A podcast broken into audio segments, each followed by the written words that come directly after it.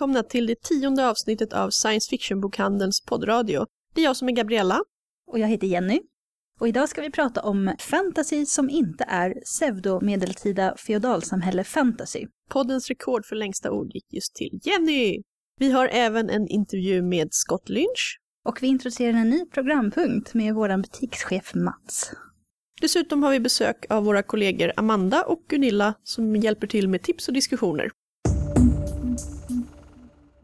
Och idag när vi ska prata om fantasy som inte utspelar sig i ett pseudomedeltida feodalsamhälle så har vi med oss eh, Amanda som också jobbar i bokhandeln.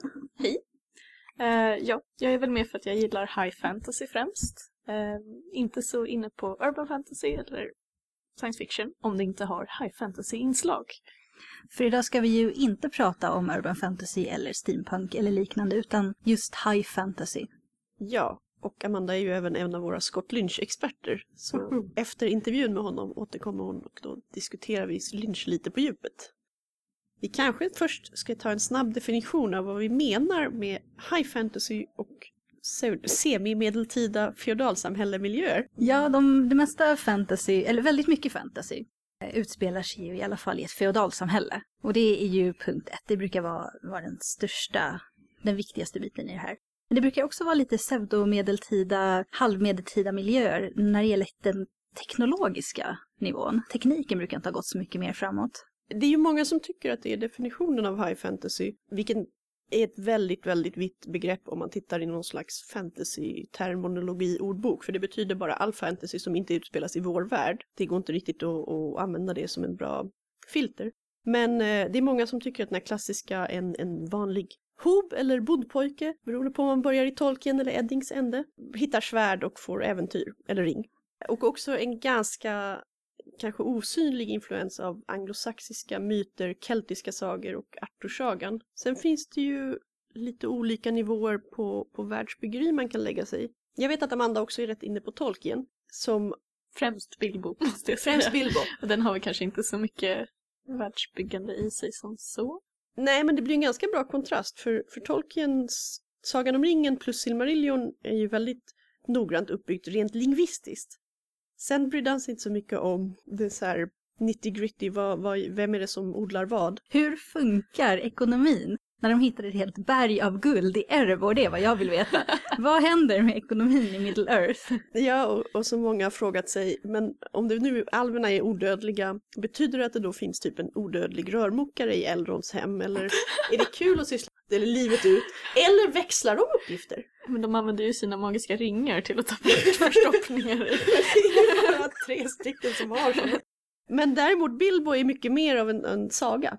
Där Tolkien helt gick in på sånger och äventyr. Väldigt simpelt. Inte alls som filmerna. Vi har väl lite skilda åsikter kring det vid det här bordet. De var roliga filmer. Jag tycker en blandning av boken och filmen hade varit lite mer optimalt. Någon annan som har jätte, jätte ordentligt världsbyggeri när det gäller ekonomi och sånt tycker jag är Catherine Kerr. Ja, hon är väldigt duktig på att bygga världar. Och hon har ju någonting som jag också tycker väldigt mycket om när, när det någon gång händer i fantasy. Det är ju en värld som utvecklas ganska långsamt. Mm. Men man märker även, man läser de första inkarnationerna av, av huvudpersonerna och de senare så märker man att samhället har förändrats en hel del. Och Mm. sen har de ju den här andra landet som de besöker lite senare, eller som man får se bitar av, som styrs helt annorlunda. Precis, och sen får man ju en icke-mänsklig kultur med de här hästfolket. Också har ett annat styrelseskick. Nu har vi ju nämnt några som jag tycker gör det bra. Och det finns tyvärr väldigt, väldigt mycket fantasy som gör det dåligt. Ja, och en del som gör det på eh, recept med flit. Det är ju lätt att säga att high fantasy i semimedeltida, typ brittisk miljö kan man definiera, men allt annat som hamnar utanför blir ju väldigt, väldigt spretigt. Och vi har medvetet, vi tänkte inte prata om till exempel steampunk den här gången som ofta sorteras på science fiction, men ibland sorterar vi den på fantasy för det är magi och steampunk. När det är varulvar och vampyrer så är det fantasy. När det är maskiner bara, möjligtvis zombier, då får det stå på science fiction. Ett område man kan kolla på är fantasy som drar sitt världsbyggnadsinfluenser från Asien. Vilket det finns en del, tyvärr inte jättemycket, men... Och du hade också läst Leon Hearn, eller hur? Ja, väldigt länge sedan när jag Samma var här. ung. Hittade den i min pappas bokhylla. Eh, Jag kommer ihåg att jag tyckte att den var mysig. den fick upp mitt intresse för eh, asiatisk kultur. Eh, men det var väldigt mycket flummiga detaljer tyckte jag som barn. Eh, som jag inte hängde med på riktigt. Bland annat själva det att det skulle vara en fantasy hajade jag inte riktigt utan jag bara tyckte att det var typ en samurajberättelse. Men det kan ha varit också att jag var så van med så mycket magi i mina böcker Mm. att jag inte riktigt fattade vad som var magi. De har inte så jättemycket magi. Eh, de, har inte, de har inte så mycket så här spellslinging magi om man säger så. Det är mer i bakgrunden. Plus att det inte är Kina eller Japan. Det är ett fantasyland. Ja, trots att det handlar om klanen Otori. Ja. Det tycker jag är Ja, ja men fascinerande. precis, det lät ju jätte... Japanskt. Ja, Japanskt. det störde mig. För det är ett land med relativt mycket jordbruk. Ja. Men det är japanskt. Och jag var, jag var ju också mycket yngre när jag läste den. Men jag hade läst tillräckligt mycket dålig fake eh, fantasy, eller vad man ska säga, fake Japan-Kina för att bli känslig mot böcker som blandar ihop Japan och Kina och behandlar det som fjärran östern magiska kulturen. Vilket jag tycker att hon gör lite. Det blir bättre allt eftersom boken fortsätter och hon får lite mer struktur på det. Men en av de väldigt viktiga sakerna om man ska skriva om Japan är ju just att titta på att det finns inte så mycket plats för jordbruk. Du har inte så mycket stora, alltså stora risfältsområden om du jämför med, med just Kina. Ja, de hade ju väldigt mycket kulturellt utbyte och framförallt influenser från Kina. Men eh, nej, det, det är mycket i kulturerna som skiljer sig från varandra. Och, och det mesta som de importerade blev ju Japanifierat. Ja, det blev japanifierat på många, väldigt många sätt. Och framförallt när man flyttar den japanska kulturen till ett större område för att ha lite mer plats på Mm. kartan så funkar det inte riktigt för att Japan tillbaka influerar inte Kina på samma sätt. Nej, och det är det som är, så viktigt med världsbyggande. Det är ju att titta på hur har geografin påverkat min kultur som jag bygger. Det, det är lite för få fantasyförfattare som tänker på den biten. Diane Wynne Jones har skrivit en jätterolig bok om det där uh, Tough Guide to Fantasyland. Ja. Där hon går igenom uh, hästar som lever för evigt och, och så här The Evil Mountain of Evil. Alltså det, det är ju bara en komediguide men om man läser den och tänker lite hur, vad man matchar in det på för böcker så ser man rätt tydligt det där med något typiskt exempel är ju så här, vi har ett berg här och på båda sidor är det regnskog. Och alla som kan något om geografi är så här, nej, för det finns något som heter regnskugga. Så du får bara regn på ena sidan av berget. De tänkte väl inte att det skulle vara en massa inbitna fans som kommer och har vi, granskar deras koncept. Men, men vad, alltså, vad skriver man för, för publik om man tror att inbitna fantasyfans inte kommer sitta och nörda ner sig över sådana detaljer som ens karta? ja men eller hur? Det är sant. Sen har vi världar som eh, i Final Fantasy 12 så är de på um, den här världen som jag inte kommer ihåg vad den heter men det spelar ingen roll. Och där geografin är helt ologisk. Men det har de förklarat med att men det ligger magiska fält här. Och det gör så att geografin blir konstig. Och jag menar, så, så länge det finns någon form av förklaring så är det Så är du nöjd. nog. Ja, det är bara att liksom, de har tänkt på det här vid något tillfälle. På tal om eh, Diane Wynne Jones. Vad skulle ni säga att hennes eh, House Moon Castle hamnar under? Den är ju i fantasyvärlden, men eh, den som heter Drömprinsessan på svenska. Ja, Castle in the Air. Precis. Jag tycker både Howl och Castle in the Air är i sagovärldar. Så att säga, det flyttar sig från eh, Tusen och en natt till eh, europeiska folksagor i Castle in the Air. Medan eh, Ingarien ju väldigt, väldigt mycket är ett, på något sätt, våra sagerland. Jag håller med. Alltså, jag håller med på att det känns som en... Alltså jag tycker att det är en ganska brittisk... Alltså jag föreställer mig Ja. som en liten brittisk by. Mm. Men inte så mycket medeltid. Nej, det känns som om den ligger senare. Men det är inte som att hon går in på det så här jättenoga heller. Nej, och den följer ju sagans regler på något sätt. Ja. Det- Alla tänker på att ja, men du är ju den yngsta av tre systrar, så du, eller den äldsta av tre systrar. Mm. Du kommer inte åstadkomma så mycket. Men jag ser också framför mig små, jag vet inte, stugor med halmtak och, eller sånt här um, torftak som de har i England. Ja men precis. Lite så här... eh, Morden i midsommar. Jag tycker inte att den klassar in som typ medeltida fantasy som så. Men, men det är så med mycket fantasy tycker jag. Att ibland lägger de teknologin på medeltida nivå. Men kulturen ligger lite längre fram. Mm. Ja, och, och som sagt, jag tycker ju inte man kan säga att riket som huvudpersonen i Castle in the Air kommer ifrån. Förlåt, jag tänker hela tiden på de här böckerna på svenska. Jag bara, den heter ju Drömprinsessan. Ja, jag hade den och jag läste den nu för hundra gånger. Jag hade den aldrig, jag bara lånade den från biblioteket 30 gånger. Men det är ju mycket mer Tusen och natt än att hon på något sätt försöker förankra det i liksom, ett, ett arabiskt land eh, i någon tidsperiod. Det är ju Mhm. hela det med flygande mattor och, och som han pratar med anden också framför allt. När de ska, det är jätteblomstrigt språk och sådär. Jag kommer ihåg, de har väl, de har väl bilar också i Howl's Moving Castle. Är inte det i animen? Men han, han kommer ju från Wales i Ja. våran värld egentligen. Han heter Howell. Det, det, det är ju egentligen någon, någon form av portalfantasy. Precis. Ja. Vi får nästan bara se världen som är på fantasy-sidan Mm. av portalen. Så Och- egentligen borde väl inte det heller ingå för att portalfantasy Är är inte high fantasy. är inte high fantasy. Guy Gabriel Kay skriver eh, fantasy som är extremt historiskt influerad. Han orkar inte ens ha med magi jämt, han bara ändrar lite på geografin och lite på namnen. Och han har ju skrivit bland annat Under Heaven som utspelas i ett Kina som inte riktigt är Kina och The Sarantine Mosaic som handlar om Bysans. Och jag tycker han är väldigt, väldigt bra. Men ibland kan man bli lite besviken för man bara, men var är fantasyn? Var är magin? Inga drakar. Ja, jag som bara har läst hans Fiona vs. vävnad, som typ är Arthur-sagan i eh, Middle Earth. Med portalfantasy. Det är Ja. folk från vår värld som flyger dit. Ja, den hade ganska mycket magi Mm. plus Arthur-sagan som jag verkligen tycker riktigt illa om. Så att den avskräckte mig lite från hans böcker. Det är ju hans debutroman också och han, Mm. och jag ska säga, han, Han han, har in- sådana element framöver men inte lika Alltså inte lika grovhugget, han blir bättre. Mm, ja, den, den känns väldigt, man blir skriven på näsan, Ja. allt som händer. Men han har även skrivit fantasy som utspelas i Europa. The Lions of Alrazan eh, eh, tar plats i Spanien under det här Reconquista när de kristna försöker ta tillbaka det från muslimerna. Vilket väl är medeltiden men också en miljö som typ ingen brukar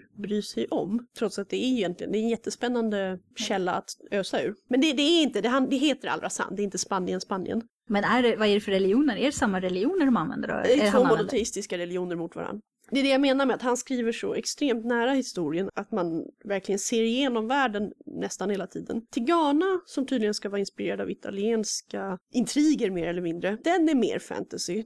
Landet Tigana får en förbannelse över sig så alla som inte var födda innan förbannelsen uttalades kan inte höra deras namn. Alltså landets namn. De, det, det, för de som lever där är det väldigt känsligt. Det är som om Sverige skulle döpas om till övre Danmark. Och de har ju alltså blivit erövrade hela den här halvön som var full av stridande småstater. Så om man kan lite italiensk historia känner man igen det men det är inte så uppenbart att man är så här, ah, där är ju Rom på den här kartan fast han har flyttat det 500 meter. Den är jättebra för övrigt, den är väldigt, väldigt sorglig. Men den tar ju, alltså den är också väldigt europeiskt förankrad och bryr sig inte så mycket om, om det här låga världsbyggandet, ekonomi och politik på det sättet, för det handlar mer om de här folken som har förlorat sitt land och hur mycket är hämnden värd. Apropå Europaförankrad fantasy som utspelar sig i en, i en senare tid så har vi ju Noviks temerärserie som utspelar sig under Napoleonkrigen. Där världsbyggandet... Med drakar, det får du inte glömma. Ja men precis. det viktigaste. ja men det, det är lite så här, hon har lagt till drakar och inte ändrat så mycket annat i historien. Vilket egentligen kanske borde ha orsakat lite förändringar tidigare Mm. i historien. Men det är väldigt spännande hur hon har skapat de här, men de här avdelningarna i armén med drakar och drakryttare som Det är precis som, som vi idag har flottan, flygvapnet och eh, ja, land, militären, landbaserade arméer, så har hon flottan, drakflygvapnet och landbaserad militär. Och drakarna i hennes värld kan, det är inte så många som kan spruta eld, det är rätt ovanligt. Och de är väldigt värdefulla, men de har en del som kan spruta syra och de är ju starka budbärare och de är, alltså de är ju Läskiga. stora. Ja, det finns väldigt må- många olika typer av drakar också som har olika uppgifter. De små och lätta är ju budbärare och de allra största har ju viktiga positioner när de, när de slåss. De, slår, de flyger i formation. Det är Mm. väldigt, på det gillar jag. Hon har ju ett stridssystem som fortfarande känns väldigt Mm. ja, 1700-1800-tal med de här ganska fasta arméerna. De har flyttat upp det i luften i England. Hon, det finns star- styrkor och svagheter med Noviks världsbyggande men hon har i alla fall hittat på att de olika länderna har olika typer av hur de interagerar med drakarna. Jag minns inte jättemycket men är det med eh, typ Kina de handlar? De åker typ hela världen runt. Den första draken, alltså huvudkaraktären, vad heter Tamer. Temeraire. Han var väl en kinesisk drake? Ja, han är en super, super sällsynt, jättefin Precis. kinesisk celestial Eh, och det kändes lite som att det passade in i den här mystiska, asiatiska miljön som vi pratade om som inte riktigt... Inte är så definierad. Precis. Mm, och sen åker de till Kina och där inser de att Kina har ju varit ett kejsardöme i 4000 år och de har drakar överallt. De har massa drakar, jättestora och jättesmå och det är där man, när man tänker efter så funkar inte liksom hur världen är uppbyggd längre. För du har en kinesisk armé med, vad är det de säger, typ en miljon drakar eller något. Ja, varför äger inte de världen? Hur, hur blev Storbritannien ett imperium i den här världen när de inte har några kolonier? Framförallt hur sjutton lyckas de utan triangelhandeln? För det är bara Ja. Afrikas kust som har koloniserats och erövrats. Och det, det talas en del i bok fyra eller fem någonstans om, om att de afrikanska befolkningen de träffar på där i ett land är ju ganska sura på européerna. Och drakarna är också upprörda på dem. För att de har försökt kolonisera och de utgör mer eller mindre ett, ett hot för alla som rör sig mot kusten. Men inlandet är är inte erövrat och det är inte den här, som det var i vår historia, att eh, de kolonialmakterna dominerade liksom kustområdena så mycket så att de folken tvingades ge sig in och själva bli slavhandlare. Det var ju en lång kedja av arabiska och afrikanska slavhandlare så att säga i flera steg. Och då är man verkligen så här, men vad, vad, hur kan vi komma till, till den punkten att Napoleon inte bara tar hela lilla blåsiga Storbritannien? Ja, Hur blev det ett stort Britannien? det, det är lite så att den här världsbyggnaden funkar om draken hade dykt upp så här typ tio år tidigare. Men inte om de alltid har funnits. Men nej, hon utvecklar ändå världen rätt bra tycker jag. Från, sin den punkten. Ja. Precis. Och i, i Australien så är de ju såklart bunjipper, drakarna. Så det, jag hoppas hon kommer ut med någon slags drakologilexikon någon gång. Det vore... Det är det som är det bästa med hennes böcker. Nej men huvudpersonerna är trevliga också. På tal om drakologiböcker, du har några här. Ja, alltså jag blev så himla nyfiken. Jag har inte hunnit läsa dem än, men när vi skulle prata om det här ämnet så tänkte jag, men oh, jag såg den här boken som heter A Natural History of Dragons av Marie Brennan. Jag måste ju verkligen eh, titta lite på dem. A memoir by Lady Trent. Ja men precis. Det Det här, låter är ju, det här är ju traditionen av den kolonial, koloniala upptäcktsresanden från England på 1800-talet. Eh, precis i den stilen och berättad i den typen av prosa också, men tittat lite i början på den. Eh, och det här är väl min nästa bok på läslistan. Den Mm. fick hoppa fram lite. Du får återkomma på nästa program och säga vad du tycker. ja, det ska jag göra. Vi har ju haft, jag tror den är tyvärr ur tryck, men så här Lady Cottingtons Pressed Fairies. Ja, Ja. det. Eller hur? Som, för ja, man, man gjorde ju naturalistsamlingar med Mm. löv och, och fjädrar och älvor. Alltså det är ju ofta en grej att det är, folk sitter i USA och England och skriver om eh, andra länder och andra kulturer utan att ibland förstå vad de skriver om egentligen. Eh, det är många som jag vet tyckte väldigt mycket om Saladin Ahmeds Tron of the Crescent Moon just för att han har skrivit en fantasyvärld som, alltså det är en rätt klassisk modern fantasy. Det är en, huvudpersonerna är två äldre män, en av dem är en andeutdrivare och nu kommer ett stort hot som han måste stoppa då och så kommer det andra som kommer hjälpa honom och, och sådär. Så man ser hur det, det är äventyrsgänget som samlas ihop och det är det stora växande hotet men det utspelas i den muslimska världen, en fantasyversion av den och den är skriven av någon som inte hela tiden har på sig de här glasögonen att oh, det är så exotiskt och det är så fint och annorlunda utan bara skriver liksom ett vardagsliv i den världen. Ja, det är problemet med nästan all fantasy som vi har, för att det översätts ju väldigt lite ifrån andra länder än, alltså både när det gäller till svenska så finns nästan ingenting annat än amerikansk och eh, brittisk fantasy. Och rysk, vi ska inte glömma vad, Och rysk, extremt Tolkien-inspirerad rysk fantasy. men ändå. Men ändå, ja det är en liten utstickare där. Men även, det översätts ju väldigt lite till engelska också inom fantasy från, från andra språk. Jag menar vi får inte ens in annan europeisk fantasy speciellt mycket. Det kommer en och annan, eh, vi har ju Sapkowskis eh, Witcher-böcker som Mm. finns på engelska också. De är ju på polska från början. Precis. Och de översattes väl bara för att det blev ett spel. Ja, jag tror det från, från tv-spelet. Och det, men det finns ju till exempel en del japansk fantasy som jag själv inte har läst. Men jag vet att den finns. Men den översätts inte. Mm. Och det finns säkert en hel del ifrån Kina och Indien skulle jag kunna tänka mig. Och bara Tyskland och Frankrike vet jag, jag läser ju tyska och jag vet att de har en egen fantasykultur som man kan dela upp i extremt Tolkien-influerad rip-off och mycket mer sagoinfluerad vad jag själv klassificerar som någon slags Bröderna Grimms skogarnas värld. Det, är inte, det, är inte, det betyder inte att det är sagopastischer, det är inte som fables och så, utan det är helt enkelt stora lövskogar, ganska små byar eh, och ofta splittrade småriken, vilket ju är väldigt hur Tyskland såg ut och som jag tror många tyskar är medvetna om för de har läst det i historieböcker och så. Och sen finns det fransk fantasy som jag Mm. inte kan någonting om förutom att det finns. Precis, det är lite på den Den nivån. här franska fantasyn jag läste, Tisto, pojken med de gröna fingrarna, av eh, Maurice Druon. Jätteliten, söt liten barnbok.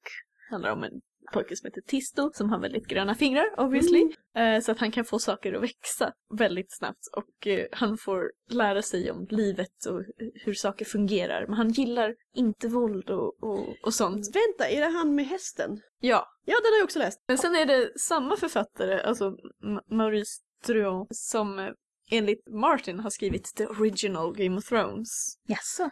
Ja, som finns översatt till engelska. Och den heter? Jag minns inte vad den heter. Men vi har den. Ja, den den den kom i nytryck eller nyöversättning eller om den översattes för första gången. Jag vet inte. Efter Mm. att Martin sa det där. Efter att Martin sa ja, precis. Jag vet inte om Martin kan franska eller inte. Men eh, Ja, men intertextualitet, det är alltid kul.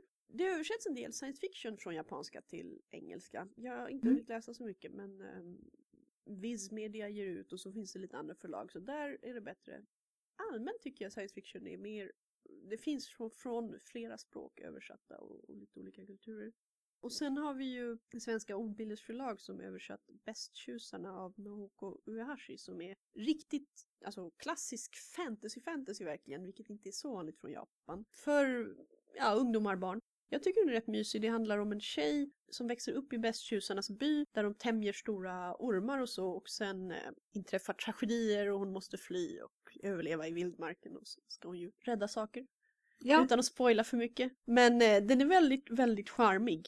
Jag tyckte den var, väl framförallt det jag kommer ihåg, att den, den har så mysiga miljöer. Ja, apropå det här med folktro och sånt så vi har ju en svensk författare, Anders Björkelid. Han har skrivit den här berättelsen om blodet. Vi har ju haft en intervju med honom och allting så det, det här eh, har vi redan pratat lite om. För han är ju inspirerad mer av svensk fäbodkultur och, och lite senare ja, 1800-tals bondesamhälle än just det medeltida. Det är lite efter ett stort imperiefall och eh, det finns inte så här jättemycket folk kvar och allting är lite statt i förfall. Så det, det, det, det finns lite odödliga romare i, i Ja. kulisserna. Men eh, han använder svensk folktro utan att över, liksom bara ta det rakt av, utan Mm. han har inspirerats av det snarare än någonting annat. Det är ju också en grej vi har helt hoppat över här, den ganska stora floran av eh, svensk vikingafantasy. Mycket står på barn och ungdomsavdelningen. Och jag vet att Vargbröder till exempel har ju sålt jättebra. Ja. första jag tänkte på. Jag Ja. läste den också när jag var yngre. Men eh, ja, Är här? bronsåldern. Det är ju det, att medeltiden i Europa, riktiga, vad ska jag säga, urklassiska medeltiden med, med pesten som börjar komma och katedralbyggande och allt. Det är ju vikingatiden i, i Sverige. Mm. Så det är lite så här, ja det är inte riktigt medeltiden-ish, eller? Vi kallar det ju för, för vikingatiden här, men egentligen så är det ju medeltiden, den, den tidigare Det, medeltiden. nej, det är det högmedeltiden. Alltså för oss. Ja, precis. Det var, vi var på väldigt olika nivåer, vilket vi alltid har varit. Jag menar, de var ju för, för, långt före oss nere vid Medelhavet redan från början. Så. Det är, svårt att hänga med när, när det ligger så här, ett kilometer is på en också. Ja, Vi har bra ursäkter. Precis. Vi har övat i flera hundra år. Vi kommer in sent med en islapp. På tal om romare, ja, den här tror jag inte någon av oss som sitter här hade hunnit läsa, men Jim Butcher som mest är känd för Dresden Files and Urban Fantasy, han har även skrivit Furries of Calderon, som han tydligen skrev nästan som en utmaning för han fick höra att du kan ju aldrig skriva om romare med pokebons. Han bara jo det kan jag visst! Och så skrev han då om, det är verkligen centurioner och hela den grejen som slåss med olika andar som de, ja de kallar inte fram dem ur en pokeball men det är tydligen ganska likt. Charles Stross har ju skrivit en fantasyserie också om eh, olika handelshus som rivaliserar med varandra och försöker ta över varandras eh, affärsrörelser. Och den heter? Och den kommer jag inte ihåg vad den heter. Och den utspelar sig ju under någon form av renässans om jag inte har missförstått saken rätt. Så den, den ligger också på min lista, men den har jag inte heller hunnit med. Det finns så mycket att läsa. Av någon anledning så börjar jag tänka på Elizabeth Bears eh, Carnival. Ja, Det är ju en science fiction. just det. Men själva världen känns så... Ja, som alltså, de kommer, som de kommer till. till känns så fantasy. Det är ju skillnaden. Det, det är lite som med, eh, ja vad heter den? Black Sun Rising, Friedmans trilogi, Coldfire-trilogi. Där handlar det ju om en rymdskepp som, som störtar på en planet. Och så måste de bosätta sig på den planeten för de kommer inte därifrån. Och det här är liksom prologen. Och sen hoppar de flera hundra år in i framtiden, eller flera, ett par tusen år kanske till och med. Och då är det en fantasyvärld helt enkelt. Det Mm. finns en hel del sånt. Mm. Det där vi nämnde förut om olika tidsperioder tänkte jag lite på Raymond Feists och Janni Wurts samskrivna bok Imperiets dotter. Imperiets dotter, Daughter of the Empire på engelska. Som ju egentligen är en spin-off till Feists enormt stora Midkemia-värld som är jätte... Ja, det är europeisk fantasy, han bryr sig inte så himla mycket om världsbyggande för det är handlingen som är det viktigare och magisystemen och så. Och sen skrev han med Wurtz då, jag tror att hon skrev rätt mycket av den för det känns inte så mycket som hans egna böcker. Jag har ju typ inte läst någonting av honom så jag vet inte så noga men jag älskade ju de där böckerna. Mm. När jag, jag läste dem när jag var yngre då när de kom på svenska. Och det är ju typ ett japanskt-koreanskt influerat samhälle. Och lite aztekiska influenser har jag läst någonstans. Att Ja, det kan i, nog hur, stämma. hur det ser ut och hur de klär sig och så. Ja, Men helt klart en fantasyvärld. Det är, alltså, mm. det är, det är inte sånt här att man kan se Japan genom, genom fantasyvärlden. Nej, man absolut. har de jättestora intelligenta myror. Åh Ja. fy. Nej, de, var är grannar. bästa. Ja, Ja, åh fy myror. Då ska du inte läsa de här böckerna. Men hon är, hon, en av knepen hon gör, för det är en, det är en eh, tjej som blir, plötsligt ärver ett så här stort hus och det är väldigt... Det Ja, hon är arvtagare till, till hela sin... eh, Hon blir överhuvud för sin familj helt enkelt. Ja, och det är en jättestor grej där för det är, Mm. alla kommer typ dö om hon misslyckas. Det är väldigt så här klassbundet samhälle där ja, de som står under feodalherren råkar riktigt illa ut om, om det huset faller.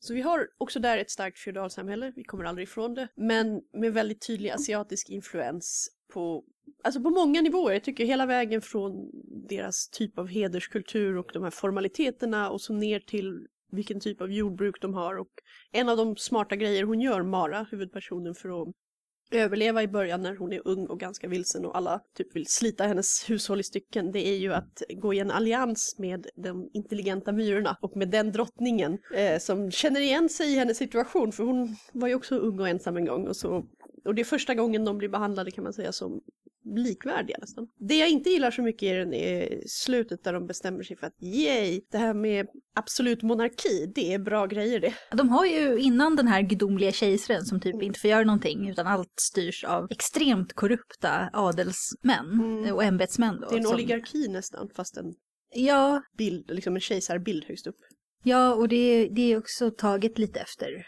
hur det japanska samhället såg ut framförallt under, eh, under deras feodalperiod. Det här med den politiska situationen är ju lite annorlunda än en traditionell feodal high fantasy i och med det att adelshusen har extremt mycket inflytande över politiken och politiken handlar mycket om deras intriger. Ja, vilket ju också är en mycket, ska jag säga, en, den imperialistiska bilden av hur det funkar i Fjärran Östern. Det har vi från gamla äventyrsromaner till, och nu kommer jag inte ihåg vad den heter, men det finns någon lång serie av typ thriller SF som bara utspelas i Bangkok och där det är intriger hela tiden och där den här Fu Manchu-bilden. Men jag tycker lite- ändå att de har gjort det rätt bra hela vägen till slutet då, Ja. där den halvvite eh, sonen Ja. till Mara och någon från den andra världen som är jätteeuropeisk då ska bli supernya kejsaren. För han kommer vara en så bra kejsare. Så man bara, men hans barn då? Kan inte hoppa direkt till demokrati? Det kanske inte går. Han har läst för lite Pratchett. Ja, vi har inte så många andra titlar på våran lista. Vi, jag samlade ihop några tips från eh, andra i butiken. Och N.K. Jemisin's The Hundred Thousand Kingdoms är en ganska ny fantasy med, jag vet inte riktigt vilken värld den utspelar sig i. Nej, inte jag heller och jag har läst den. Ja, Så att där vet jag inte riktigt vad jag ska säga utom att eh, de är inte vita. Jo. Huvudpersonerna. nej, hon, huvudpersonen är inte vit. Hon kommer från någon slags extremt barbariskt samhälle som bor i skogen och torterar sina män när de ska bilda familj vad jag förstår. De vita är jätteonda och har det högkulturella samhället fast de är också, har ju ruttnat lite inifrån ungefär som det gamla romarriket, eh, eller bilden av det gamla romarriket om, om det dekadenta eh, nedgången. Eh, men de, onda är bara onda av ingen anledning alls och de, huvudpersonen blir kär i en av gudarna. Och det är väl typ handlingen. Mm. Det finns hundratusen kungariken någonstans men ingen vet riktigt vad som händer. Eller, Ja, tydligen utvecklas det lite vagt i senare böcker. ja, jag har bara läst den första och huvudpersonen hon, hon blir tilldelad styret av några av de här kungarikena. Mm. Får man höra. Och det är allt man får höra. Sen har vi även eh, Brandon Sanderson som mest brukar fokusera på magisystem har skrivit The Alloy of Law som är en del av hans Mistborn-trilogi. Kan du ge oss en, en minisammanfattning av, den första, av Mistborn-böckerna? Eh, den är väl precis som det vi inte kan komma undan, feodalsamhälle. Eh, mycket slaveri, eh, revoltkänsla på det. Mm. Huvudkaraktären är en av, hon är väl halv slav i den världen så att säga. Hon är i princip född in i det. Och det, det är väldigt mycket The Dark Lord-temat. Ing, han är mystisk men extremt eh, Ond. ond och eh, powerful och eh, ingen vet riktigt hur man ska komma ifrån honom. Men huvudkaraktären är ju självklart en extremt speciell person som har en av de absolut mest speciella magiförmågorna. Det är väl precis det. Det är feodalsamhälle och de ska störta den Men skillnaden i det var mörka. att Det som händer ja, att den hoppar till nästa, nästa tidsålder så att säga. ja, hans värld eh, är inte stagnant utan den utvecklas. Man får inte se utvecklingen men i nästa bok Så är vi framme i vilda västern, vilket man, ja 1800-tal. Och jag tror att det är en smärre geografisk förflyttning också, men inte lika stor som i tiden. Och han har ju sagt, Sanderson själv, att han vill skriva mer i den här världen där de går mot ett eh, jag vet inte riktigt om han tänker steampunk eller helt modernt med elektronik och så. Men det är bara en roman Mm, som följer där och det är verkligen så här the frontier och eh, lagen är i då pistolernas händer ungefär. Den var rätt kul att läsa även som fristående bok men någon gång får jag ta och läsa Mistborn. Karen Millers Empress och andra av hennes böcker har ett mycket starkare, skulle jag säga, mellanöstern-influenser än de flesta fantasygrejer. Men hon skriver rätt eh, så här, klaustrofobiskt. Det handlar om, om ett fåtal personer. Framförallt Empress är då en, en ung slavinna som ger sig fan på att hon ska bli kejsarinna och sen är det mord och palatsintriger. Och det är väldigt instängt så det är svårt att säga liksom, vilken värld som ligger bakom egentligen. Men eh, inte så mycket för att det är, det är halvt taffligt världsbyggande utan för att hon verkligen fokuserar på ett fåtal saker och personer. Eh, ja, de, är, de är tung läsning, de är ganska obehagliga psykologiskt och så men det är väldigt välskrivet om man, om man orkar ta itu med det. Eh, En annan författare som eh, skriver mer renässansbaserad fantasy är ju Scott Lynch. Och eh, han var ju här hos oss och gjorde en intervju med oss. Så att om vi lyssnar på den så kan vi prata lite om hans böcker efteråt. Welcome to Stockholm. Thank you. You are of course the author of the very very popular Lies of Locke Lamora, which we keep recommending to all our customers as much as we can. It's it's really nice of you to say all those things. Thank you. Thank yes, that's me. You really had a unusual way to get published. Would you like to tell us a bit about that? I, I my, my my first book was bought um, off of uh, the internet. Essentially, I was. Uh, I, I was not yet to the point where I was ready to submit it in the traditional fashion as a manuscript, but I'd posted a portion of it online, and unbeknownst to me, an editor, uh, someone who is now my editor at uh, Galance in London, Simon Spanton, saw it and found a, a significant interest in it and purchased it offline when there were roughly 60 pages of the book in existence. And that was how it came to be. It's not the typical publication story. It feels very unusual, the Gentleman Bastard sequence. Do you want to tell us just a bit? Uh, I think most of our listeners are familiar with it, but something of the background, mini synopsis. Well, it's uh, it's it's fantasy crime. It's the story of a, a group of con artists, uh, confidence tricksters, as we would understand the term. Uh, they're they're essentially the first people, the first criminals in their world to apply these techniques of uh, the long con, you know, in, intellectual crime and role playing and acting, rather than straight out theft and robbery. Although they do those things as well everything goes very well for them at first, and then things go exceedingly poorly for them for a while, which is you know where we enter the story. And uh, it, it takes off from there and follows them on their various adventures across the world and the things they get mixed up in. The first novel is essentially a, a revenge tale. The second novel involves pirates and a, and a heist, and the third novel is about politics and love. The fourth novel throws them into a war and uh, is yet to come out. That's The Thorn of Emberlane, forthcoming. I don't believe we are going to be able to get it out in 2014. Um, I may be wrong, but I doubt it. If I were George R. R. Martin or somebody of that stature, they could probably get it out in 2014. But I think I'm, I'm going to turn it in just a little too late to get it out this year. So my guess would be sometime in early 2015. Oh, it's it's not going to be a gap um the size of the one between uh, Red Seas Under Red Skies and the Republic of Thieves. It's going to be much shorter. And how many books do you have planned in your series? Yes, it's it's going to be a seven book sequence. There will be no expansion of it. That's that's the firm rule I gave myself when I started writing, which was that essentially anything I can fit into seven books stays. But there's there's never going to be any well, it's getting too big, we'll turn it into an eight book series or a nine book series. If the, the at the end of seven books everything is still fine, my editors still like me, and the books are still doing well enough, I'd like to do an additional seven in the same world, following much of the same cast about 20 years later, and that will essentially conclude the entire story. But no, uh, seven books and then maybe seven more books, but that's not going to expand by accident. I love long series. I really do. I just want them to justify the page counts that they have. I just want every page to be worth it. I want to work um, in a number of long sequences. I, I just don't want any of them to feel like they are treading water or bloating or losing the initial design that I had for them. George has already suffered that once in that one of the volumes of A Song of Ice and Fire got a little bit too big to the point where it couldn't physically be published, so it had to be split into two books. I don't think it's a great secret. I don't think it's it's anything mean to say that neither of those books is exactly what he would have wanted for them when he started designing them. So trying to avoid that is, is very, very important to me. I, I don't want the, the final shape of something that I write to be dictated by the fact that I've let it get too big.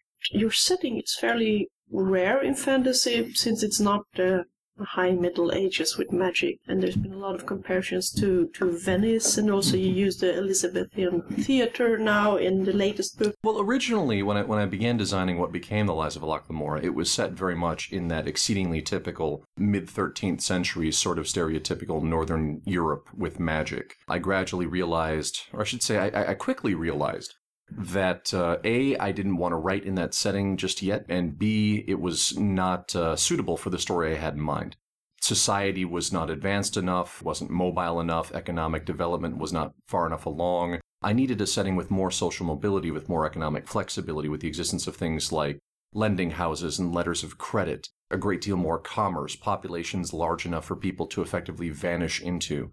And that simply wasn't the High Middle Ages. That required a, a, Renaissance or an Elizabethan level of social development and technology. As it turned out, it's not that I, there are periods of history I dislike. I'm, I'm very interested in all periods of history, uh, real and fictional, all flavors of fantasy. It's just that I, I found that the aesthetic, the clothing, the attitudes, the the various economic and social systems of the Renaissance and Elizabethan level of development um, just fascinated me more, and still do which is why Locke's world is, is a little bit more advanced than your average, you know, 13th century mm-hmm. medieval mud town. I cheat a bit. It's got a whole mix of uh, features from our, you know, 14th through almost to the 19th centuries. They're more more developed in some ways and, and, and less developed in others, basically based on whether I thought it was cool or not. No, but that I think that's one of the wonderful things about writing fantasy. You can change up the world, and we've seen with Roman and Egyptian and uh, mm-hmm. South American civilizations. It's not like everything is invented once. Everything happens once, but it is it is very refreshing to have a fantasy world which doesn't start in the typical mud village with sheep, Viking relics somewhere. Well, maybe. thank you. It borrows a great deal from the works of Alexandre Dumas, the uh, Three Musketeers in particular, and you know that has a very 17th century mm. flavor and setting to it, even though it was written in the 19th. I mean, which is also another aspect, you know, that, that, that sense of trying to write in the romantic adventure novel idiom of, of the, the, the 19th century or the 20th century with a, with a, a more modern sensibility, like a gangster film crossed with Alexandre Dumas dialogue crossed with, uh, you know, a Renaissance setting is essentially what the, the design uh, wound up being. Did you do any research on history of crime? Or... Oh, absolutely, a, a, great deal. And the thing is that most of the most of the con games, most of the long schemes and heists that uh, Locke and his friends participate in are based on crimes that took place in our world. There are several patterns, several classic cons, you might say, that, that form the heart of, of the long con art. And essentially, with, with very few exceptions, every time somebody runs a long con, they're running some variation on one of these primordial schemes. What Locke and Jean are doing, and, and their friends are doing in The Lies of Locke Lamora, for example, is what's sometimes referred to as a Spanish prisoner scheme except that the Spanish prisoner is a cask of ultra rare brandy, but it's it's exactly the same setup. It's exactly the same thing. Really, it's it's it's a lot like writing fiction. You know, there there's there's a handful of patterns that you can apply, but infinite variations in how you apply them. To, to, to torture the metaphor even further, writing is an awful lot like stage magic Yeah. in, in several respects. And someone once said, and forgive me because I can't remember who this was, that there are two parts to any trick. There are the actual mechanics of the trick, and then there is the reveal, whereby you make the audience go, ooh. And if you only have one trick, but you have 50 ways of revealing it, the audience thinks you have 50 tricks. If you have 50 tricks, but only one way of revealing it, the audience thinks you have one trick when you when you, you come back to fiction and to con artistry as well, there's only six tricks, but if you have a hundred ways of playing them on people, people think you have a hundred different plots or a hundred different schemes. Do you want to tell us a little bit? Because I find your world building extremely interesting about this, the theology and background and things. Because it seems to have a very big impact on the characters' lives without being, I call on a higher power and I throw mm-hmm. fireballs in their name. I'm going to quote a friend of mine, Sarah Monette, who reviewed The Lies of Alok Gamora a while back, and what she said was probably the most accurate way to put it. She said that this is this is a book where the existence of the gods is never proven. It's always an open question, but the importance and existence of religion is very obvious in a nutshell. I am never at any point in this in these books going to prove one way or another whether the gods exist. Every reader is free to see this through whatever lens they, they want to perceive it as. There's nothing that happens here that is completely impossible given the human ability to dream and to rationalize and to form patterns and sometimes to you know dream and hallucinate. And there's there's nothing here that happens which is out of pattern with what many people feel to be the religious experience I needed Locke to have. I mean, uh, Locke has two advantages, and this this is this is the uh, this is the key to his psychology. Is that you know he's he's he's a murderer, he's a gangster, he's a very vicious person from time to time. He's I mean he's he's he's psychologically modeled on that that the classic mafia American gangster personality, which is you know an individual who exists in a society, presents a sociable face to the public, spends much of their time, you know, not actually hurting people or killing anyone, but when the time comes that they want to or they must, they will do it, you know, in a second. So they're capable of, of real viciousness and then going back to total normal human functionality. Locke's case in particular, it's he was given a sense of loyalty by the fact that he was part of this found family called the Gentleman Bastards, raised by Father Chains, who taught them to be thieves. You know, there's there's no real be a good citizen there. They were taught that being thieves is their place in the world, and it's what they were put here to do. But they were also taught to trust one another and to value one another. And this is discussed several times throughout the series. You know, why Father Chains does the things he does, why he disobeys Kappa Barsavi and the higher ups uh, in the, you know, essentially the Kimor Mafia. Because as he sees it, nowhere else in the criminal world are people behaving as they should. And he wants his gang to be able to trust one another when their backs are against the wall, not to sell each other out, not to betray one another, not to run away. So Locke has that, and he has the teachings of his religion, the the secret religion, the semi-heretical thirteenth god of the Theron twelve god pantheon. No temples, no texts. One annual ritual and a, and a secret priesthood that does its business very much in the dark. Very appropriate for a god of thieves. I wanted them to, I wanted these characters. I mean, I myself am not religious, but I recognize that this is fairly rare throughout, uh, you know, the length and breadth of human history. So I wanted my characters to be religious in a fashion that I found genuinely interesting to explore. And at, at least in this world, I did not want to. I, I, I felt that felt that uh, providing certainty, you know, yes, the gods exist and they will send you healing and fire bolts when you need it was just not interesting. If, if you know the gods exist because you can cast fire bolts and healing spells and so on and so forth, um, you remove all these debates. You remove all the, the, the debates about philosophy and psychology and morality that these characters can actually have about whether or not they're actually doing the god's will, whether they're doing right. It leads into what I wanted to do with the characters and what I wanted to have them say. I wanted them to have arguments. I wanted them to have discussions. I wanted them to disagree and, and see the world from slightly different perspectives.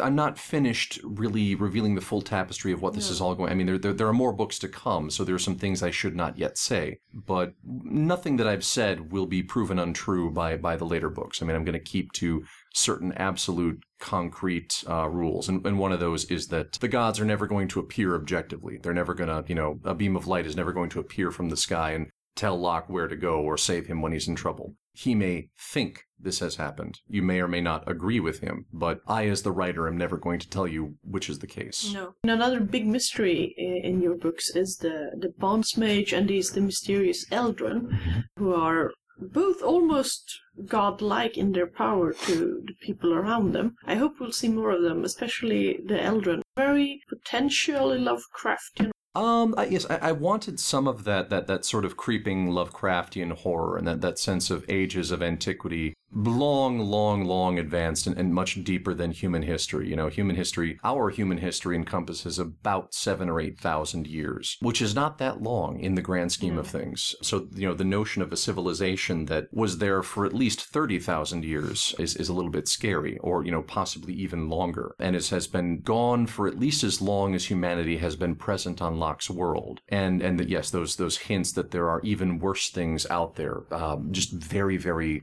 very much uh, of the the Lovecraftian slash cosmic horror model that I wanted to get a little bit of that that flavor in the books. What I'm going to do with the Eldrin and their you know what happened to them and and what might happen to Locke's world, I'm going to kind of leave as a secret for later. Well, what, what I'm after is is a little bit of tonal variation and a little bit of a little bit of everything. You know, the first the first novel, you know, you have a, a, fair amount of bloodshed, you have a lot of crime, you have a little bit of a little bit of sword and sorcery, a little touch here and there of horror, spookiness. You know, the the hidden places under Camorr, giant spiders, things like that. In Red Seas Under Red Skies, I have just a scene or two of you know real outright horror. You know, when they are on the reef and the the, the something out in the fog is is is trying to communicate communicate with them in some fashion.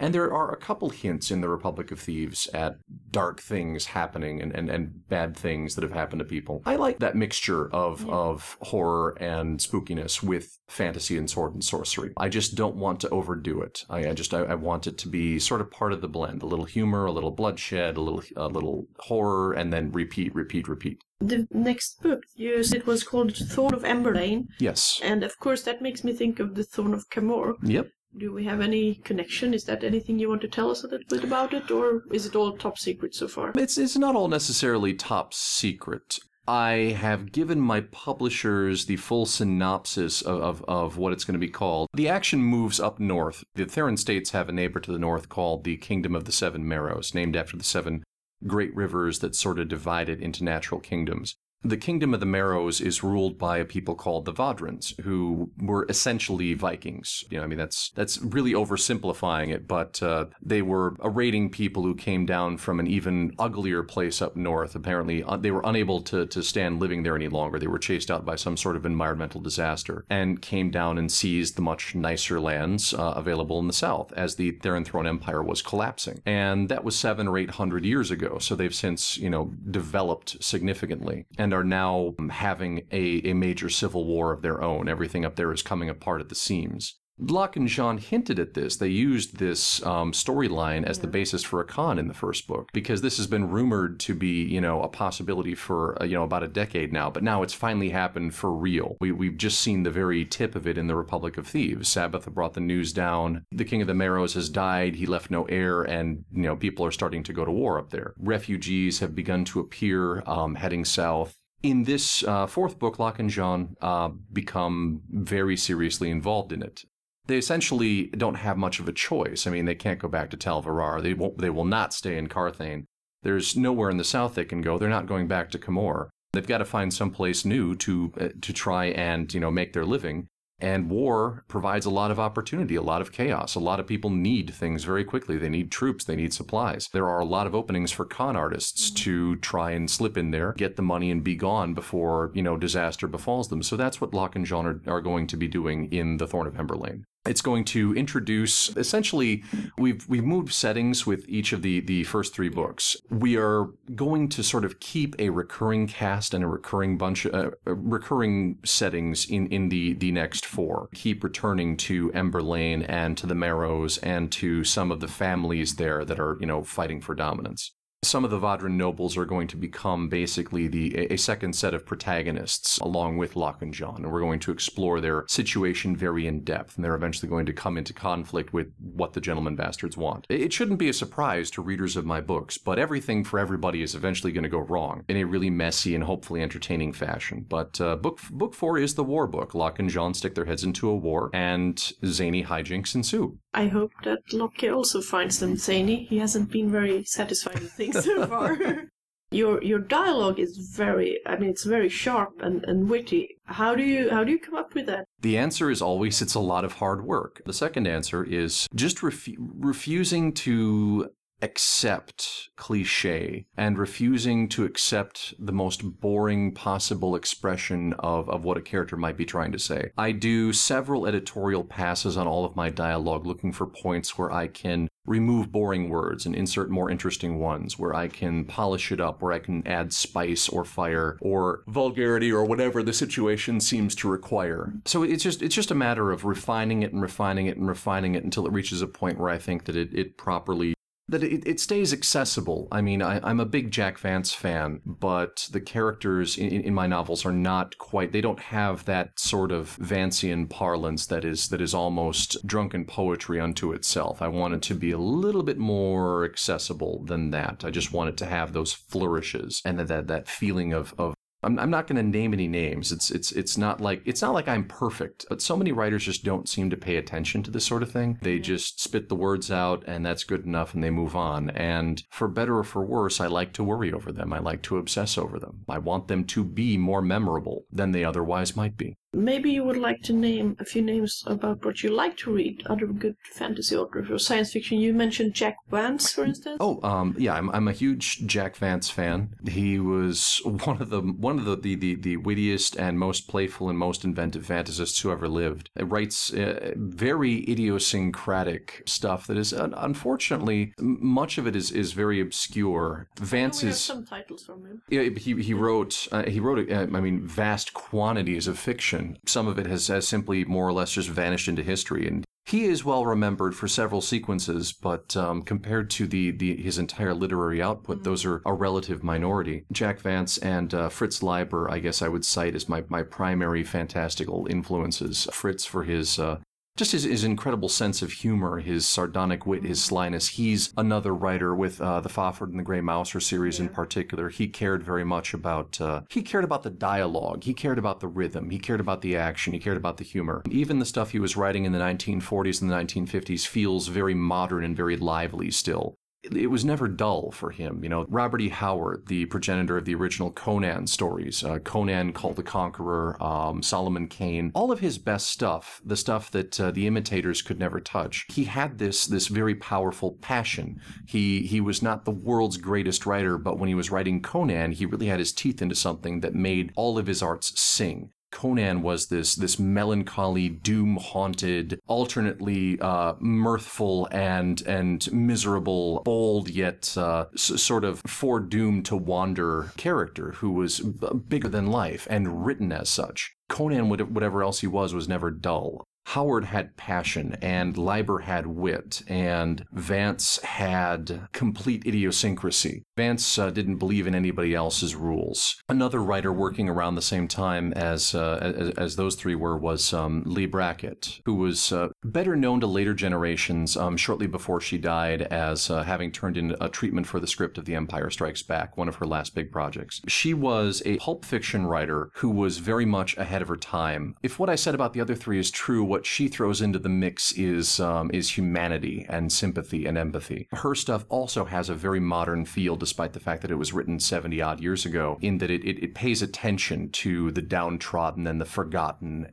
she left the pulp field mostly to work in screenwriting and wrote a number of uh, actually relatively well known Hollywood uh, films in the 1940s and 1950s.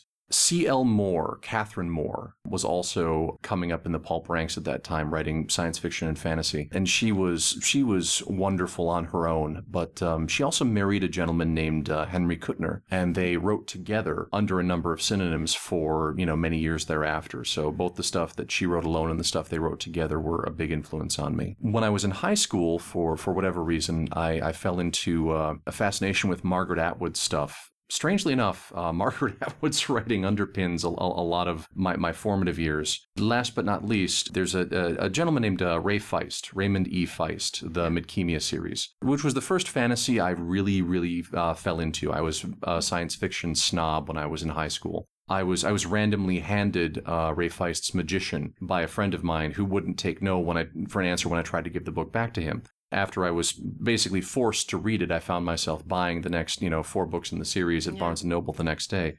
Feist just finished the Midkemia sequence with Magician's End. It's you know it's been 30 years and, mm. and about 30 books. I admire the the scope and the ambition of it. And, and for, I mean Feist is Feist is the one who made me want to be a fantasist. Feist was my primary model for a lot of my fantasy. The Lies of Locke Lamora was essentially my effort to write a more literate, more fun, more complex uh, Ray Feist novel with, you know, flavors of Vance and Leiber and so on and so forth. Feist is not an author who has persisted in writing uh, stuff of the highest quality as far as I'm concerned. There was he, he was doing really well for about the first 15 books or so. And then a, a certain repetitive sameness really crept into the series. But damn it, I'm going to finish it. I'm two books from the end. I'm going to finish it. it. It is impossible to completely destroy my enthusiasm. It, it's impossible to kill my, my, my love of that sequence despite its later weaknesses. So he is not the most terrible. I mean, Leiber and, and, and Moore and Brackett and uh, and Vance. I mean, were, were writers you could read for the sake of their prose. Yes. Um, and and Feist, bless him, is is not a terribly good prose writer. He is still a sentimental favorite of mine and largely responsible for the shape of the Gentleman Bastard sequence. Yeah, I, I recognize that. At least I have to say that the, the what do you call it in English? The Daughter of the Empire uh, sequence. Oh, with Jenny Wirtz. Yeah, I read them and I loved them, and only years later did I understand that, oh, these are Mhm. some kind of side novels. Those are, those are very possibly the best thing that, that Feist or Wirtz ever wrote, um, and the fact that they did it together is, is just amazing. It's it's it's unfortunate that you, you, you didn't get the, uh, the the magician experience to, to meet the Surani first and, and know what was going on, but but yeah, that, that that sequence has has always been a major major influence. Talking about cooperation, are you planning to maybe write anything with Elizabeth Beer since you're partners now? We are slowly working on it. We have plans for the future and maybe some small projects in the next year or two to sort of get us started. We are not yet to the point where we're working on anything as big as a novel. Det var Scott Lynch från när han besökte oss i somras för att signera bland annat sin senaste bok Republic of Thieves. Jag har inte läst Scott Lynch, men han skriver alltså inte den här normala pseudomedeltida feodalsamhälle-grejen, utan mer renässans-Italien har jag hört. Ja, väldigt mycket ett eh, smutsigt Venedig. Många tjuvligor som härjar och väldigt mycket rika människor som studerar vetenskap och alkemi och eh, den sortens magi. Och samtidigt har han lite ett, ett gangstervälde. Det tror jag inte är helt historiskt korrekt, men man kan på något sätt ana en, en skugga av Chicago som faller över detta Venedig. Men om man ändå- Särskilt lite Las Vegas-känslan när de kommer in och spelar poker och sådana spel i det här tornet där alla rikedomar finns i princip. Det här låter lite som Hunter Hunter. Venedig var ju också en syndens näste så att säga. Det var ju ökända med deras fest Maskerad. maskerader precis. Och jag tror därför det är en så stark bild för många. Man, det är inte, han har inte heller gjort så här jättenoggrant och de låter inte så italienska i sina namn många av dem tycker jag. Men det är ju fördelen Ja, med jo. fantasy, man behöver ju inte vara historiskt korrekt om man bara är inspirerad av renässans-Italien. För att utspelar sig väl inte i, i Venedig, utan det är väl en, en helt annan värld. Ja, det är Ja. det. Definitivt. Och det finns ju kvar några mystiska artefakter från, inte fantasy-romare utan jag tror fantasy-aliens. Ja, ja men typ. Jaha, ska vi ställa Lynch på science fiction nu då? Eh, Vi vet ju inte vilka det är, det kanske är alper. Fantasy science. Okej, då får det stå kvar. Och riktigt obehagliga trollkarlar. Ja, verkligen. De är verkligen eh, obehagliga. Det, vad heter de? The Bondsmage. Ja, precis. Det är en väl uppbyggd värld att allt det här, det är adeln och tjuvarna som är det viktiga. För magikerna är enormt få, springer runt och, och gör sin egen lilla grej och alla bara undviker dem eller De är, bugar. ju, de är ju också den rika mannens eh, sändebud, eller lönnmördare om man vill ha det så. Vill en rik person ha någonting gjort, eh, någonting skumt gjort, så anlitar de en bondsmage, men det kostar ju extremt mycket. Så man måste verkligen vara jätterik för att få någonting att För det där är någonting i fantasy också som, som eh, man får tänka på. Det är att hur mycket magi finns det i den här världen och har den påverkat världen som den borde? Men jag tycker det funkar just, just för att det, magin är så dyr. Det är därför de bara använder sig av mord. Man, visst skulle man kunna be en bondsmage och göra något mer avancerat men då kostar det ju så mycket att förmodligen det skulle ruinera ett helt land. Och det finns någon anledning till att de här bondsmages inte har tagit över världen. för att de är så få. Ja, de är så få Och de och de inte håller ju på med lite interna ränker. Sen är det väl i Republic of Thieves får vi reda på lite mer Eller är det redan Red Seas and the Red Skies? Nej, de tar inte upp så himla mycket om just Bondsmages. Jag tänkte det här med varför de inte lägger sig i världens styre så mycket och varför de inte vill göra en massa häftiga grejer med sin magi. Var det ju lite antydningar. Men det finns en anledning förstår man ändå. tror det. Det är opålitliga berättare också. För det mesta ser man ju genom Lockes synvinkel. Han är ju en tjuv som uppfostras av en tjuvarnas guds präst till att bli inte bara en vanlig liten tjuv utan en jättehäftig tjuv. Gentleman Bastard. Oceans Eleven-inslag. Det, det är verkligen, den här prästen vill göra att tjuveriet till någonting mer än bara gå och sno grejer utan det ska vara Inte så smutsigt, utan det ska, vara, det ska vara snyggt och välplanerat och som en konst snarare än någonting dåligt. och naturligtvis går allt åt helvete ganska fort. Men han är ju så full, full of himself, Locke Lamora. Han är ju en extremt smart och eh, stilig karaktär och han vet det. Han tror ju att han är bäst. Det är ganska skönt när han hamnar på plats men samtidigt, även om man tycker att han är så bra och är så uppblåst så måste man ju tycka om honom. Han är ju lite inspirerad av den här Arsène Lupin-bilden tycker jag. Ja, även, även Sherlock Holmes fast på andra sidan någonstans. Framförallt kanske den moderna Sherlock Holmes som oftare snubblar på sin egen intelligens än, än för att det är genmanipulerade apor. För att Ja. så här, Arthur Conan Doyle brydde sig inte så himla mycket om hur han knöt ihop sina berättelser. och i Red Seas and Red Skies, där finst det pirater. Ja, kvinnliga piratkaptenen är jätteawesome. Väldigt skön karaktär. Det är också så här, det, det, det är piratäventyret och, som han skriver på något sätt. Han skriver i den, den känslan. Han tar ju upp det i att det var folk som klagade att du kan väl inte ha en häftig pirat och så är hon dessutom så mamma och grejer. Han bara, jo det kan jag visst. Ja, är han inte mörkhyad också? Ja, Jag har för mig att väldigt många klagade på att, han hade, att det var orimligt. Och att han bara hade satt in det för att vara PK eller något sånt. Vilket är så idiotiskt. Jag menar, det Vita är kränkta män. ja och det var ungefär vad han sa, att, men så här, det är ju en fantasyvärld, jag kan ju skriva precis vad jag vill. Jag ville skriva. Jag ville skriva en det. awesome mamma, pirat. Det är ju förvånansvärt få fantasyförfattare som bryr sig om att bryta lite med konvenansen. Mycket fantasy tycker jag, framförallt det som av anglosaxiskt ursprung, det är, det är extremt konservativt. Ja. Alltså mer konservativt än, än vad vårt samhälle är. Och dessutom mer konservativt än vad, vad medeltiden ens var. Precis, där är ju där är Care, om vi backar lite till henne igen, väldigt bra för att hon visar att kvinnor sitter inte bara och broderar för att det är kul. De är det ekonomiska maktcentrumet i sina eh, ja, hertigdömen, furstedömen och vad det nu är. För männen är ju ute och slåss. Och så har hon även kvinnliga magiker, eh, legoknektar och så vidare. I hennes, I hennes värld så är det ju ganska svårt att vara kvinna. Men det känns inte som den här orealistiska versionen där kvinnorna är förpassade till någon liten kammare där de sitter och syr utan att kunna påverka någonting. Utan de är viktiga i politiken, i skötseln av borgar och ägor. Ja, och det har ju att göra med var man lägger sig i medeltiden också. För framförallt en tidig medeltid utan preventivmedel med väldigt, väldigt mycket liksom tungt fysiskt arbete binder ju en hel del folk till hus och hem. Ja, även, handlar- även bönder, alltså manliga bönder. Ja. Men det är det som är problemet, att mycket fantasy lägger sig på en tid när det finns adel och spelhålor och eh, maskerader och gangsters och så säger de ungefär ja men tjejerna borde ju stanna hemma. De bara ja fast det gjorde de inte. Nej, och det är väl lite senare då, men, men det finns många belägg för kvinnor som klädde ut sig till män och gick ut i krig som soldater.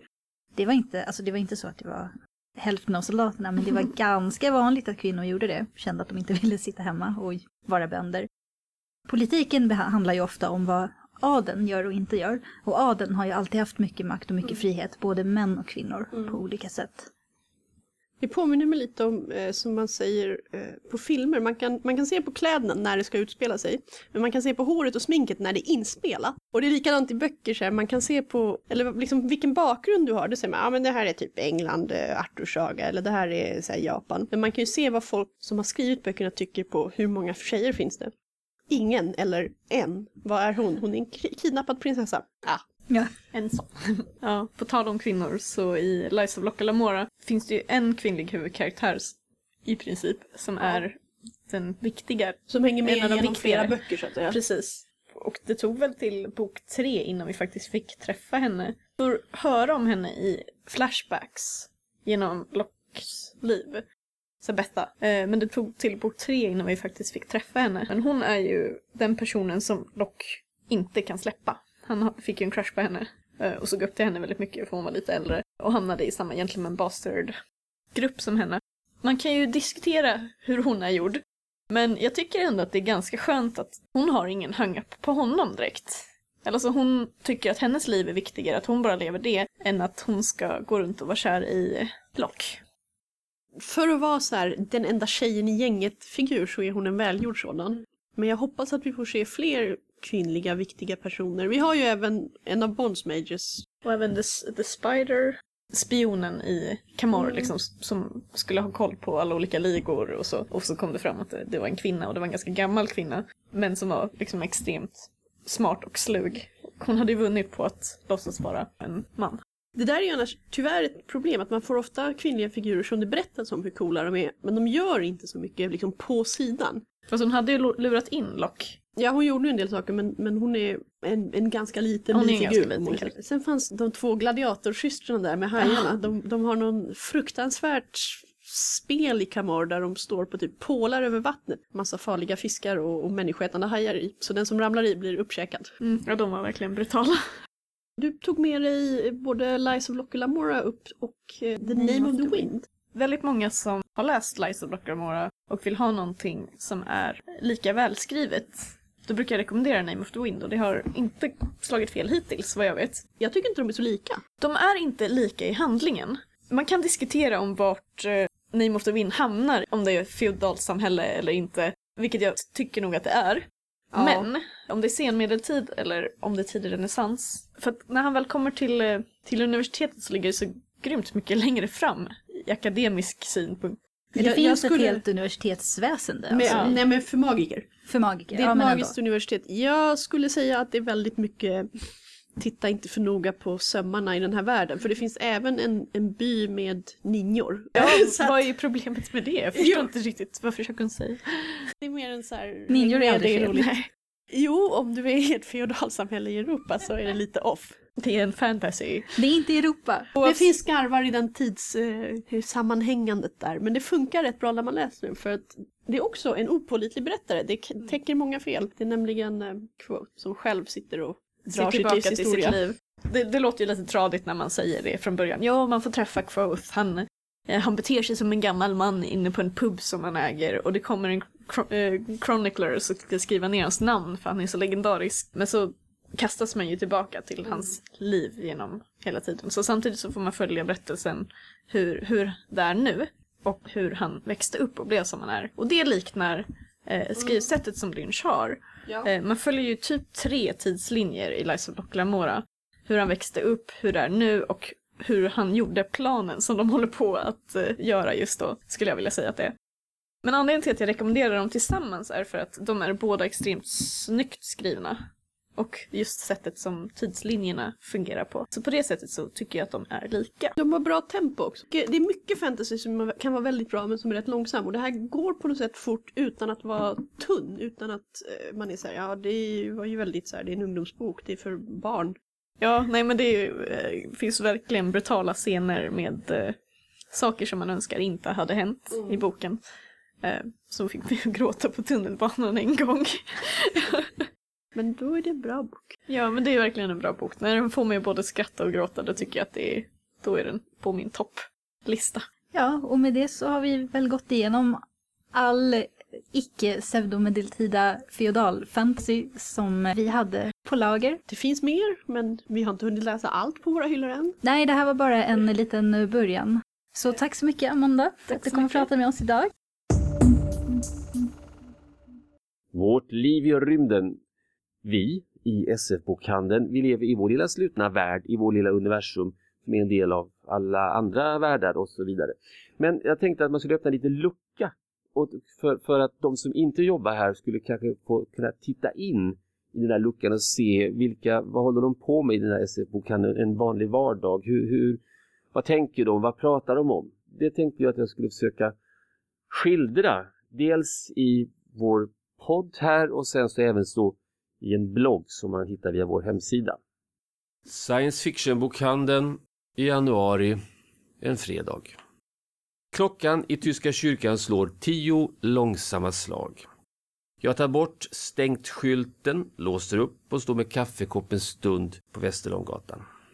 Ett fint regn faller. Det är grått och dunkelt i gränderna och knappt en människa i sikte. En ilsken glassbil backar högljutt tillbaka mot Slottsbacken ty gatukontoret har grävt ett hål mitt i gatan men glömt att sätta ut den trekantiga gubben som gräver-skylten.